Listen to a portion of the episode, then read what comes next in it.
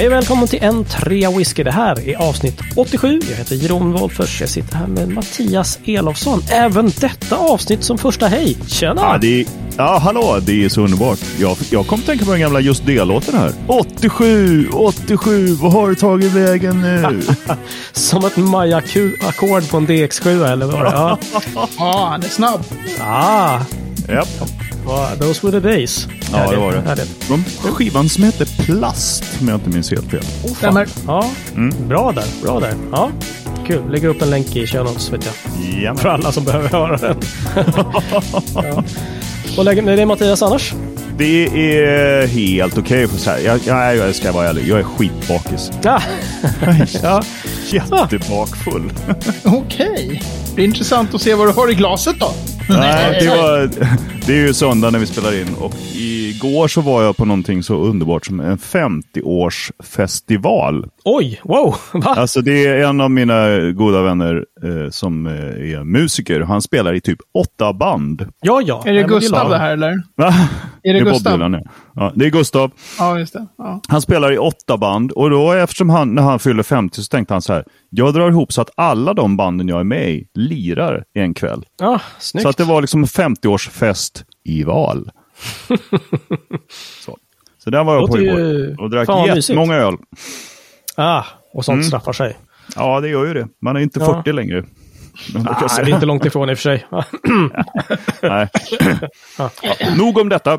Nog om detta. Men David, vad kul att du är här. ja För en gångs skull.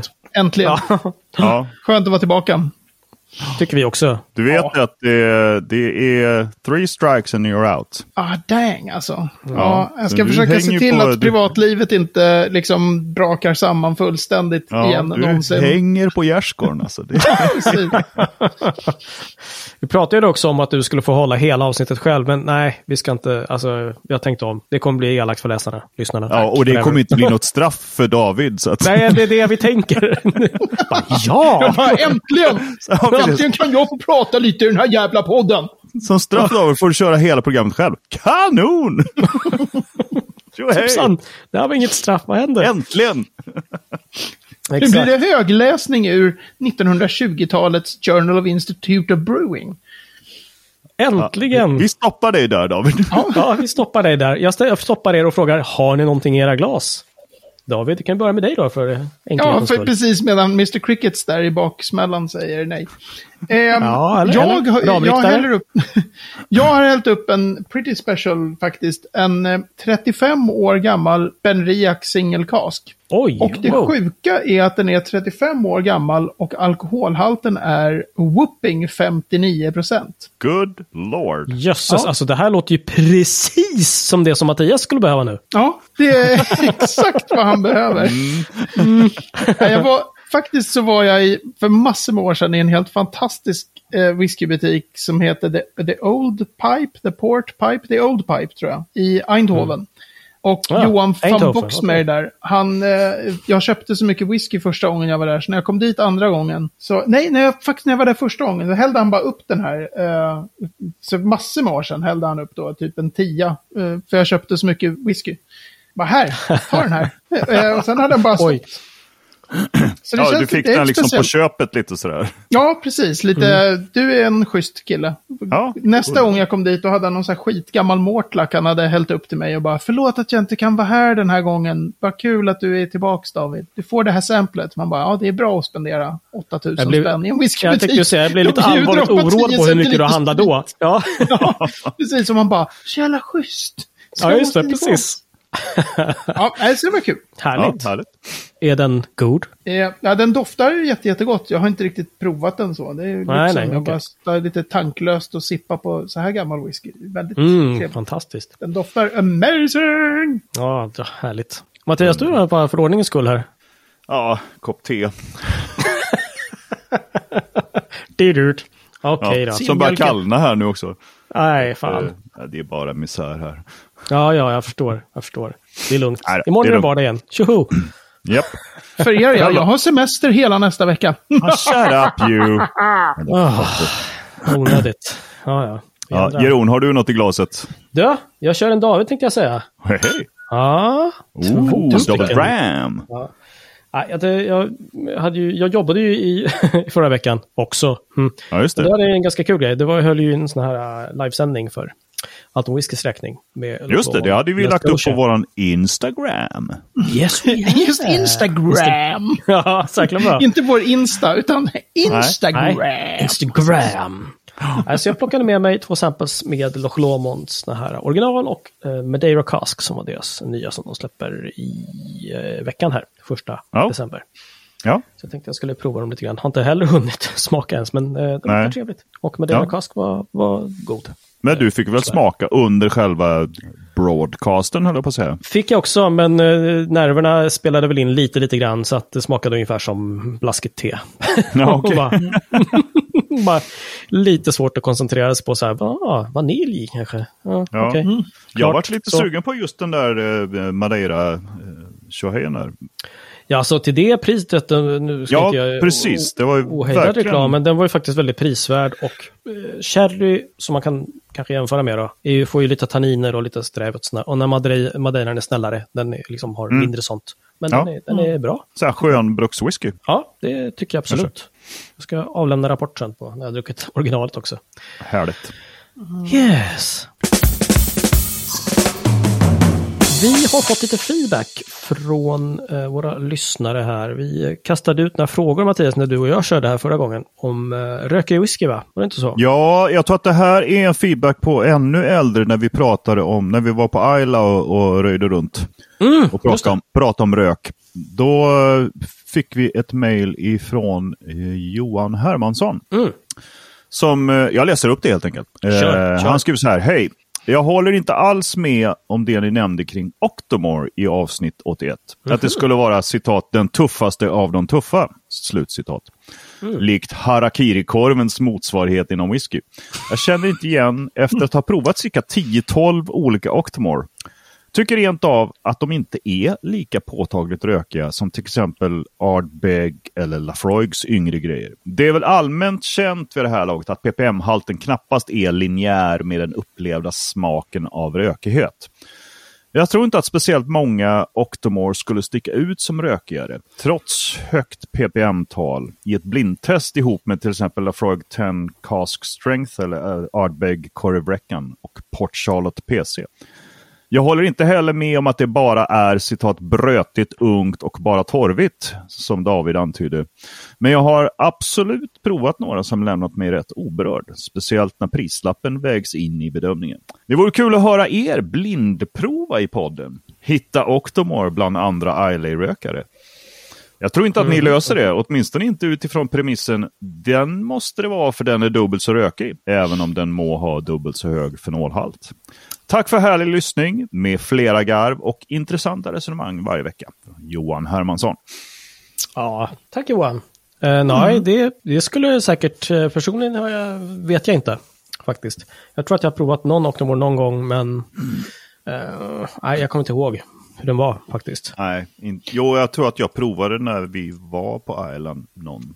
Okej. Men eh, jag eh, håller helt Johan. Vi skulle, jag håller helt med Johan. Jag, jag skulle inte kunna hitta Octomore bland alla andra Isla-rökare. Mhm. Där har han helt rätt. Sen, sen håller jag ju helt med Johan också om att den är, den är ju inte rökigare. Alltså jag tycker också eh, Ardbeg och Lafroig och de här andra är mycket rökigare. Och att, att Octomore snarare är eh, liksom torv, torvbomber snarare än rökbomber. Det Ja. som jag har provat. Mm. Okej. Eh, sen är det ju liksom en, verkligen en, en eh, smaksak bara, vad man gillar. Det finns en jätte, jätterolig video med en, en tysk lirare som heter Horst Lüning. Som har Ach, en så. sida, han driver med sin son en sida som heter bara whisky.com. Ja, jag trodde du Ah. sa så. Han driver med sin son. Ja, nej. Han Han driver med sin tillsammans son. med sin son en, den, en väldigt, väldigt informativ, jättebra sida. Och de har massor med långa så här, destilleribesöksvideor på YouTube och sådär. Otroligt, otroligt duktiga är de. Men det finns en video där han provar Octomore och han gillar inte ens rökig whisky överhuvudtaget. Och han gillar Okej. inte fatstark whisky heller. Det är Nej. Han är verkligen Fin, så här... fin fem fel. Ja, men Ja. precis. Han är så här keeper of the quake, liksom jätteinsatt. Och så, och så liksom bara... Oh, oh, oh, it's so pity. Oh, this is terrible. Han har en så här otroligt stark tysk brytning. Ja. Ah, okej. Men, eh, men det vore ju kul att se. Alltså, ofta så tror man ju, det, det har jag ju lärt mig med i den här svenska whiskyakademin där vi blindprovar varenda vecka. Då är det ju inte linor utan en enstaka whisky. Hur otroligt svårt det är att sätta vad någonting är. Mm. Eh, Man tror liksom att man tar att... nu, jag vet inte, vi har aldrig haft bara Lafroig 10 i den. Men okej. jag är bombsäker på att, att eh, alltså, av- de 12, och det är folk som har hållit på nu i många, många år och blindprovat, och man blir ju bättre och bättre. Så jag, jag tror att någon skulle säkert ta den. Okej. Just Lafroig Mm, 10 ja. har man provat så himla många gånger, men det är liksom inte givet. Det är inte som att man doftar på den och bara ja, ja men det är ju Lafroig. Här har vi ju. Ja, grapefrukten det. och här har vi liksom, det är ju Nej. skitsvårt att blindprova. Ja. Jag måste sticka in här för att vi faktiskt fick fler svar på förra avsnittet från eh, Andreas Eliasson. Ni heter Phil Collins med FOK. Ja, just det. Mm. Bad om rökiga grejer. Mm. Andreas skrev här att jag upplever Kilhomans rökighet som brasrök alla majbrasa, så det kan ju vara något för Phil. Eh, Paul Charlotte, Heavily Peated 10 year olds rekommenderar han också. Men inte nog med det, han sticker även in snällare rökare för nybörjare. Eh, Tommy Tool PT Tang, 299 kronor, mild och enkel med lite rök. Long Row Peated, eh, finns några butiker, absolut rökig men inte brutal alls enligt mig. Superbra tips, tackar Ja, för det, tackar för det. Då kommer, eh, då kommer uttalsnisse här och säger att Ja. det där, det där eh, destillerinamnet, då ska man tänka Tom i handduk. Så det heter Tom in Towel. Jaha, okej. Det där är lite lustigt, man tror inte det. Men det heter tydligen Tom in Towel. Tom in Jag tycker det är Towel, grymt ja. roligt. Jag har faktiskt inte provat den.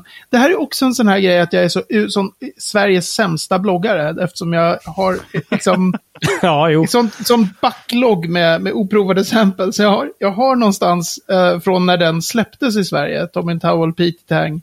Ja, där ja. Även, även jag fick så här, eh, sample från importören på typ råspriten, den rökiga och den orökiga och någon annan och bara det här ska jag prova, det här blir skitbra. Och Ah, sen coolt. blir det, ja, det står väl nu i lådan med samples för te här. Ja. Så jag har inte provat Tom alltid Towel. Pete Ja. Tang. ja. Jobba, jobba, jobba. Jobba, jobba. Precis. Vi börjar baklänges eh, tänkte jag säga, eller vi har ju redan börjat, men whatever. Vi kör veckans ord tänkte jag helt eh, fräckt. Ja, exakt. Vad är det här som vi ska snacka om idag då, Mathieu? Inte en blekaste aning. Ah, då. eh, ordet som vi vill veta mer om, eller jag i alla fall, är lauter. Och det här eh, kommer ju från någon slags chatt va, som jag har haft vid sidan av här.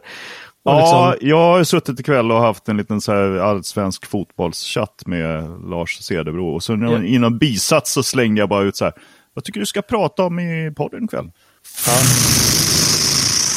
Så fick jag liksom 25 förslag.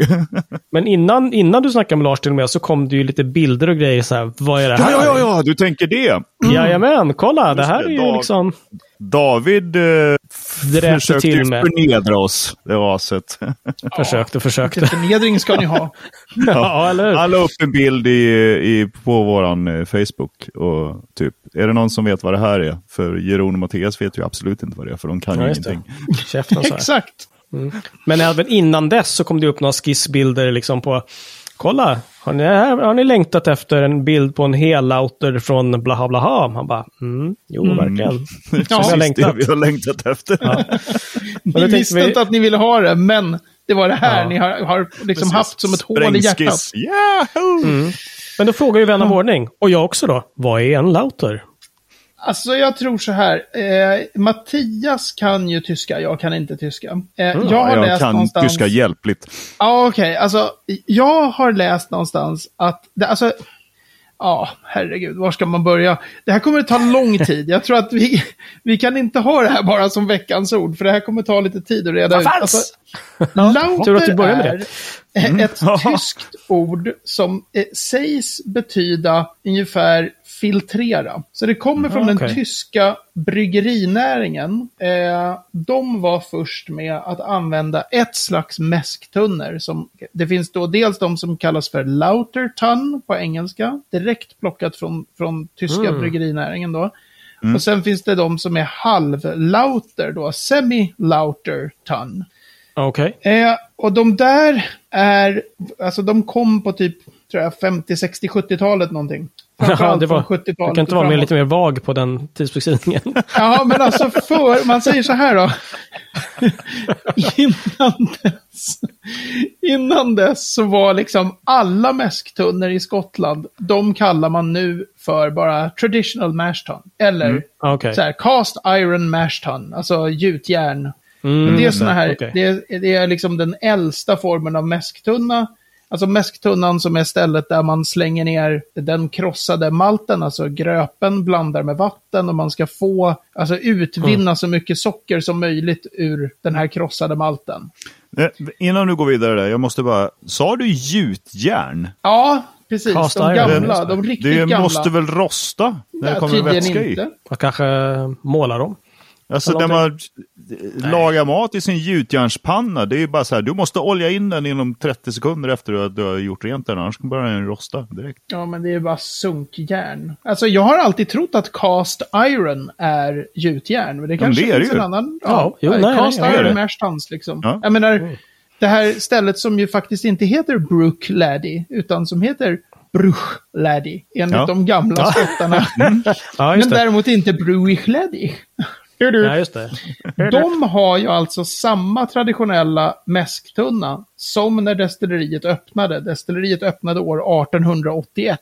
Så att den har ju inte rostat sönder än i alla fall. Nej, okej. Ehm, men i alla fall, det, det är den här gamla, riktigt, riktigt gamla typen av mäsktunna. Eh, den har eh, någonting som heter rakes, alltså räfsor. Man kan tänka sig, jag tänker på det som att när de rör runt maltbädden i de här traditionella mäsktunnorna. Tänk någon som är urusel på att kråla. Så Jag ser det jag ut. upp Med de här, det är så här armar. Det är så här armar som liksom flaxar runt, som köttar runt i den här maltbädden. Jätte, jätte Jag, mycket. jag ser det exakt framför mig hur det ser ut. Jag vet precis, det är Milda. som när jag krålar. Ja, Ja. exakt. Milda mäsktunnor, nu ska han kråla igen. Ja.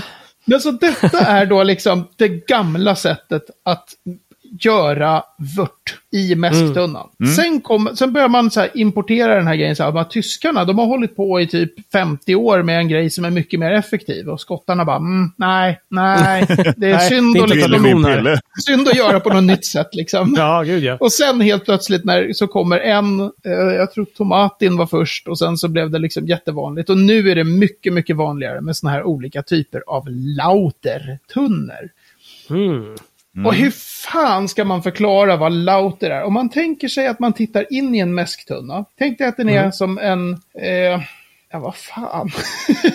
Tänk dig ett cirkusgolv, de är alltid runda. Ja, visst. Ja, ja. Så, eh, och så ska du ha någonting som rör runt i den här maltbädden.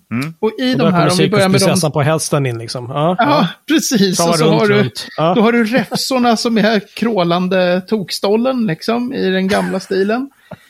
Men Ja. sen med sådana här lautertunnor, då, då är det istället som en lång, vad ska man tänka sig, liksom som en horisontell pinne. Som, På vilken det sitter armar som är helt raka, rakt neråt så här. Och så har de små, små pluppar som sticker ut lite. Eh, Den där kan man då röra runt i maltbädden med, med i vilken hastighet man vill. Långsamt, fort. Man kan stanna den helt. Den rör helt enkelt runt i maltbädden mycket, mycket försiktigare. Inte liksom tokkaosar. Inte, inte Mattias Krålet liksom. Nej. Nej. Ja, precis. Så att det man brukar, man brukar de få gånger om man liksom googlar så här Lauter Mm. mash tun så får man väldigt lite bildbevis. Därför att folk som är på destilleribesök, de tänker inte på att så här sticka ner kameran i mäsktunnan, för de är ju stängda, de har ju tak liksom. Ja, jo. Ja, just det. Just Så det, det. jag tror inte direkt att, de, att, guiden bara, ja visst, absolut, stick ner armen här och ta en bild på, Ja, eller på hur det ser ut här inne. Jo, dessutom en väldigt Ja. intressant doft där också. Ja, ja men precis, det är lite speciellt. Ja, Men ja, så ja, de okej, här- det är det tricket och då- de brukar köra va? Just det. Ja, men det är, det är jäskaren, så det är Ja, det är inte just det, det är samma... jäskar, är- förlåt. Jag blandade Ja, precis. Okej, det här okej. luktar mer som liksom malt, så gröt, typ. Mm. Men så det, då, då har vi en sån här semi-lauter. Då har man de här knivarna. De kan röra runt, eller pinnarna neråt, men man kallar dem för knivar. De rör runt. Aha. liksom i, de är som vertikalt rakt ner. Mm. Medan däremot om man har en sån här full lauter, hel lauter mäsktunna eller vad man ska säga. På, på engelska heter de lika ofta lauter ton som lauter mash ton. All right. Ehm, okej. Då kan de som är hel-lauter då, de Mm. kan även, då kan man liksom lyfta på hela den här knivsektionen. Okej. Och så ser själva pinnarna lite mer, eh, vad ska man säga, som Z ut. De kan liksom röra runt maltbädden Mhm. i sig själva, varje enskild liten pinne. Aha, okej. Och sen Mm. har de, vilket är den stora poängen för den som äger ett destilleri, när man har liksom mäskat klart, så har de som en egen liten plog som man kan fälla ner som själv, så att mäsktunnan själv skyfflar Mm. ut all drav. Alltså allt det som är kvar i mäsktunnan efter att du har mäskat. Eh, alltså gröpen liksom. blandat med massa vatten Mhm. i en hel lauter så bara, okej, vi fäller ner de här båda, kör runt armarna och så, så bara skyfflar liksom maskinen själv ner all den här draven i, i en behållare under. Och det är Okej. klart att om du jämför det med att ställa dig liksom med en skyffel i en traditionell mäsktunna och bara, nej men jag har bara, jag har bara ett par ton blöt gud. drav här som jag ska tömma ut ur. Det här är skitkul jobb, jag älskar det här. Det här är mitt Mm. bästa. Angus, get in there! Ja, precis. Så week. lauter är liksom det här att den är hö- högre grad av mekaniserad kan göra mera grejer. Så med den här traditionella mässtunnan, då har du bara ett sätt att kötta runt i maltbädden. Du kommer få en ganska grumlig vört om du inte tar väldigt, väldigt gott om tid på dig. Och med de här lautertunnorna så kan du göra en vört som är si eller så, eller sö eller sy. Alltså du kan liksom, den är Du kan mer styra mera.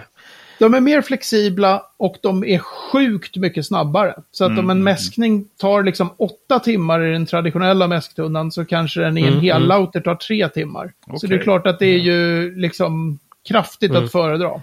Men ändå så finns det ju destillerier som håller kvar vid sina traditionella mäsktunnor, väl? Är det, Mm. Ja, ja, vad absolut. Är de bara dumma? Eller är, har, har det någonting med smaken att göra, tro? Mm. Ja, alltså jag, jag tror nog att de kommer ju säga att det har med smaken att göra. Mm. Ehm, Och man är väl rädd för att kanske inte kunna göra exakt likadan vört. Det vill säga inte likadan mäsk sen i jäskaren om man byter. Så det är ju en, ett skäl att hålla kvar. För man säger, det här funkar ju liksom. Right. Det If it ain't andra broke, skäl- don't fix it. Ja, men precis. Och det andra Mm. skälet är att en ny mäsktunna kostar ett par miljoner minst. Så Ja. att, det är, klart, ja, det är ju ja. ingen liten, liksom. Det är inte som så här, men vi köper det till jäskar. Det kan bara, så här, ja, det svider ju inte så mycket i plånboken liksom. Ah, okej, Så de är dyra som fan. Mm. Men jag menar, tid är ju eh, tydligen pengar och kan du liksom dra ner på, på inmäskningstiden där från, vad säger du, 8 till 3 till exempel. Ja, Då kan du ju hinna göra mer sprit och då tjänar du väl mer stålars. Ja och jag tror också så här, eftersom jag har haft en, ett, ett ryck här nu på sista tiden, så var jag tur att ni skulle ha just Lauter. Jag ber om ursäkt för alla lyssnare, för jag är så otroligt inne på mäsktunnor just nu. Men, men jag tror också så här, när jag har tittat på vilka destillerier som har såna här traditionella mäsktunnor, så är det ju ganska mycket så här oberoende ägda och eller små destillerier. Så tar du så här stora ägargrupper som Diageo, de ja. Har ju inte liksom, de är så här, ja men nu ska vi öka på det här destilleriet från, från liksom 2 till 5 miljoner liter sprit per år. Ja, kasta ut mäsktunnan liksom. Det är det första de bara, den här skiten kan vi Ja, inte, ja. vad ska vi ha den för? Okej, Liksom. det är så. Så att det Ja. finns ju inga sådana här stora workhorse blenddestillerier som kokar 3-4 miljoner liter sprit om året. Inga av dem har traditionella mäsktunnor. För det är så här, Ja, just det. Varför skulle vi... Oj, nu slog jag till micken här. Så. Gestikulerar så mycket. Ja. är så det är klart att så här, ja men Springbank som är så här egensinniga bara, det är klart de har kvar sin. Mhm. Bruichladdie Okej. har ju varit liksom ett oberoende ägt under stora delar. Just det. Så det är klart det. att de har hållit fast vid så här, det är lite typiskt för, för liksom att det är lite mindre destillerier. Mm, så. mm. Fattar. Och när ni som lyssnar, eh, liksom, jag ska försöka förklara här, när, när David blir liksom intresserad av någonting, det var där i torsdag 16.57 kommer, ni visste att ni, inte att ni ville ha det, men här är äntligen, det är schematiska ritningar av en mäsktunna av helautertyp. Äntligen kan ni slappna av. Och så kommer det mycket riktigt en ritning i chatten på en, ja, en just en sådan. Och man bara, Ja, det här Ja. var det jag ville. Och jag tror liksom, han har inte kunnat släppa det sedan dess. Så att, Nej. Mm. det jag är tycker det är kanske därför att ni du var får prata snälla. av dig. Ja, det var därför ni var så här snälla och bara, vi, gör, vi ger honom Lauter. Så kan han få Ja. prata av sig om olika mäsktunnor. Det kan han behöva. Ja. Ja, eller så hade vi varit sura bara louter dude. Eller, Ah, förlåt. Ja, men sen, sen kan vi också återkomma till Leo. Ja, Det här med hur olika typer av mäsktunnor också kräver olika typer av gröpe och hur man ställer in maltkrossen då på lite olika eh, inställningar. Mm. Eh, det känns ju väldigt viktigt att jag får prata om dem. det tycker jag att det känns väldigt viktigt. Frågan är om vi ska liksom så här teasa med det lite grann, att det blir en cliffhanger lite grann här. Vad Frågan du? är, frågan är om det är så här att efter det här avsnittet så är Alltså, folk så- som är intresserade av att köpa min bok går från typ 500-600 pers som är så här, fan, när kommer boken? Till att nu är det så här, fuck this shit, jag ska fan aldrig läsa den där jävla boken. Han är ju helt störd i huvudet. Ja. Det finns en risk, men det kommer nog gå bra, tror jag. Vi tar den risken helt enkelt. Vi tar den risken. Vi tackar för Lauter-lektionen helt enkelt. Nu måste jag faktiskt styra över samtalet på någonting mycket viktigare än Lauters och alla sådana grejer. Eh, när David, du och jag samtidigt för några avsnitt sedan eh, drack eh, den här ceder och keder-whiskyn Craig Allikin. Eh, vi använde den som en funktion för att liksom så här, Spjälka fet mat. Exakt, exakt. Då, eh, Istället tyckte för jag- Fernet Branca. Ja, ja, mycket bättre, mycket godare. Mhm. Nej, men, och då när jag drog korken ur den så gick det verkligen, det var liksom nästan inget ljud utan den bara liksom, liksom jag Mm. drog ur korken. Det kändes liksom som att korken inte sagt i riktigt, riktigt, Nej. riktigt bra. Och, ehm, och att, när jag tittar på den så är den liksom lite, ja men den ser kanske inte helt hundra ut. Plus att jag såg att i whiskyn så ligger det liksom längst ner, ligger som en liten, liten svart slöja av någonting. Mhm. Så, ehm, what the hell, vad gör jag nu? Vi har pratat om dåliga korkar någon gång, men ehm, jag har aldrig upplevt någon. Det här är- tror jag är något åt det hållet. Ja, eh, så här, den där korken på den buteljeringen, jag känner igen det där. Eh, jag Mm. har ju, eftersom jag gillar den, har jag ju druckit faktiskt ett par, tre stycken av den där. Hej, Eh, hej, jäklar. Ja. Oh, jo, men jag, det, det är väl också så att både jag och Lars har ett gäng. Liksom. Man har, Ja, ja. Vi började ju vid vår första buteljering, så vi sparade ju också så här, flaska nummer ett, flaska nummer 100, flaska nummer 200, flaska nummer... Alltså här, vad häftigt Mm. ändå att kunna ha så här, alltså, ja, Ja. eller Okej. hur liksom. Men i alla fall. Du saknar ju annat Det- whisky att Det dricka, här, det, det är här, bra. det här, kära lyssnare, är återigen ett bevis på Davids liksom, galenskap. Att han har liksom lyckats pressa ner tre sådana flaskor i sin kropp.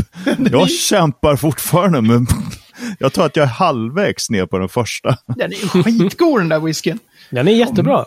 Ja. Kräver, kräver fet mat innan. Ja. Tillbaks till korken. Ja. Nej, men så här, den, det, eh, det jag skulle göra i ditt fall, när den Mm. har, för jag känner igen att på någon av de här flaskorna som jag har petat i mig, att det var lite samma. Man känner liksom att den håller inte riktigt tätt.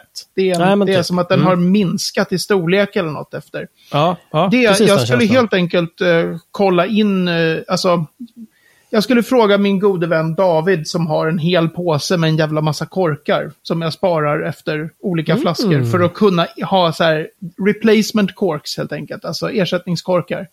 Ja, okej, Eh, okej. Mm. Det är rätt smart om man provar, eh, om man dricker en del whisky och så när det liksom tar slut i en flaska, att man säger, men jag sparar den här korken i en påse. Mhm. Om jag någon gång får ett så kallat korkbrott. Eller Mm. jag tycker att en kork inte riktigt håller måttet liksom. Okej. Mm.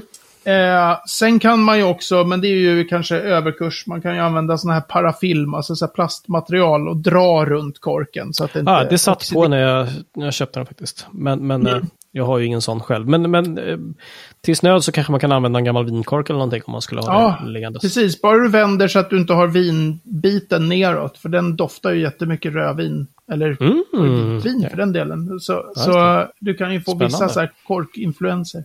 Just det. Men sen det här, svarta, det. det här svarta i botten är, är in, har inte med den dåliga korken att göra. Utan det är eh, rester av, eh, från fatet. Ah, okej. Alltså, okej. Det är helt enkelt att eh, Whiskey Broker, som vi hade det där fatet hos, det. eh, han gör eh, barriärfiltrering, alltså grov filtrering av whiskyn, måste man göra. För okej. att när du tömmer ett fat så är det ju fullt med hela kolbitar. Alltså det är ju insidan av fatet. Right. Det s- lossnar ju liksom. Okej. Ehm, så att Det är ligger- whiskyns man- motsvarighet till fruktkött. Ja, men precis så. Det, det, det är verkligen jättemycket skräp som kommer ur. Och då filtrerar man det, men man kan filtrera olika mycket. Och han filtrerar, men så blir det lite svart kvar i botten. Så det är fat. Okej. Delar Ja, av fatet helt enkelt det där. Så det är ingen Ja. fara. Det är bara att eh, eh, cruncha på när du väl kommer till botten. Nu äter jag hur?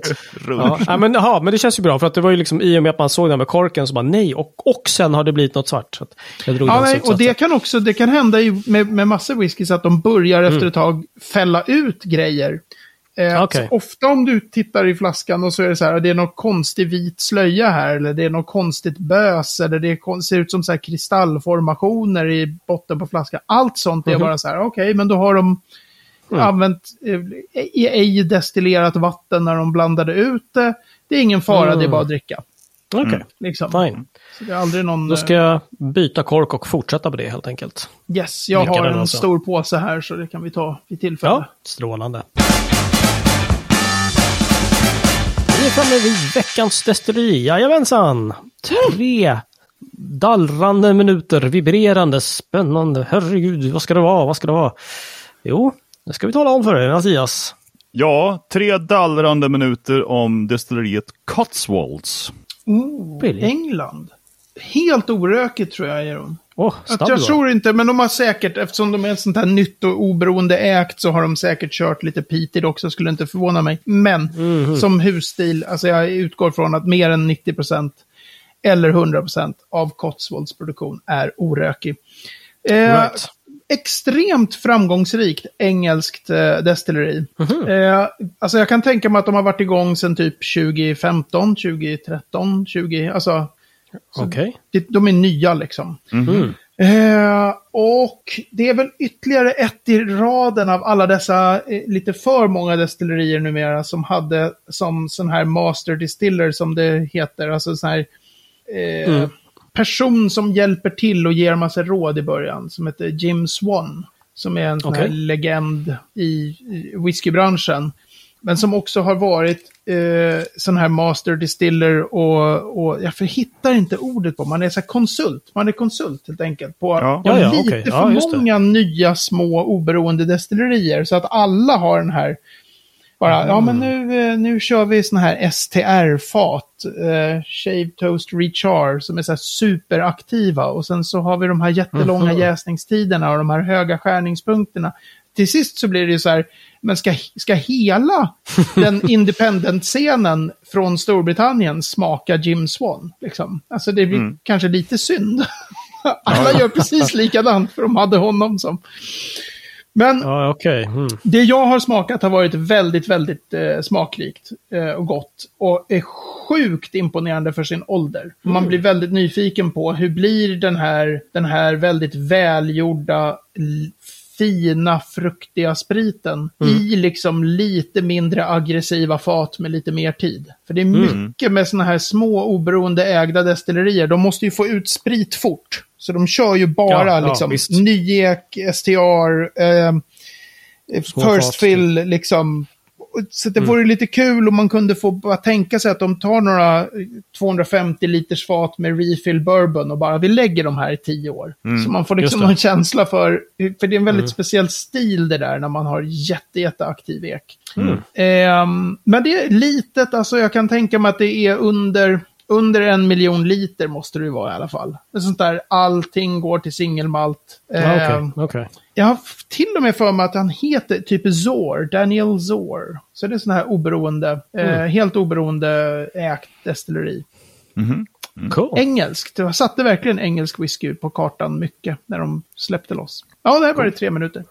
Roligt, roligt. Ja, men ska vi hålla eh, ögonen öppna efter. Det har jag inte hört talas om. Roligt. Och som vanligt blir man sugen. Ah, tusan. Ja.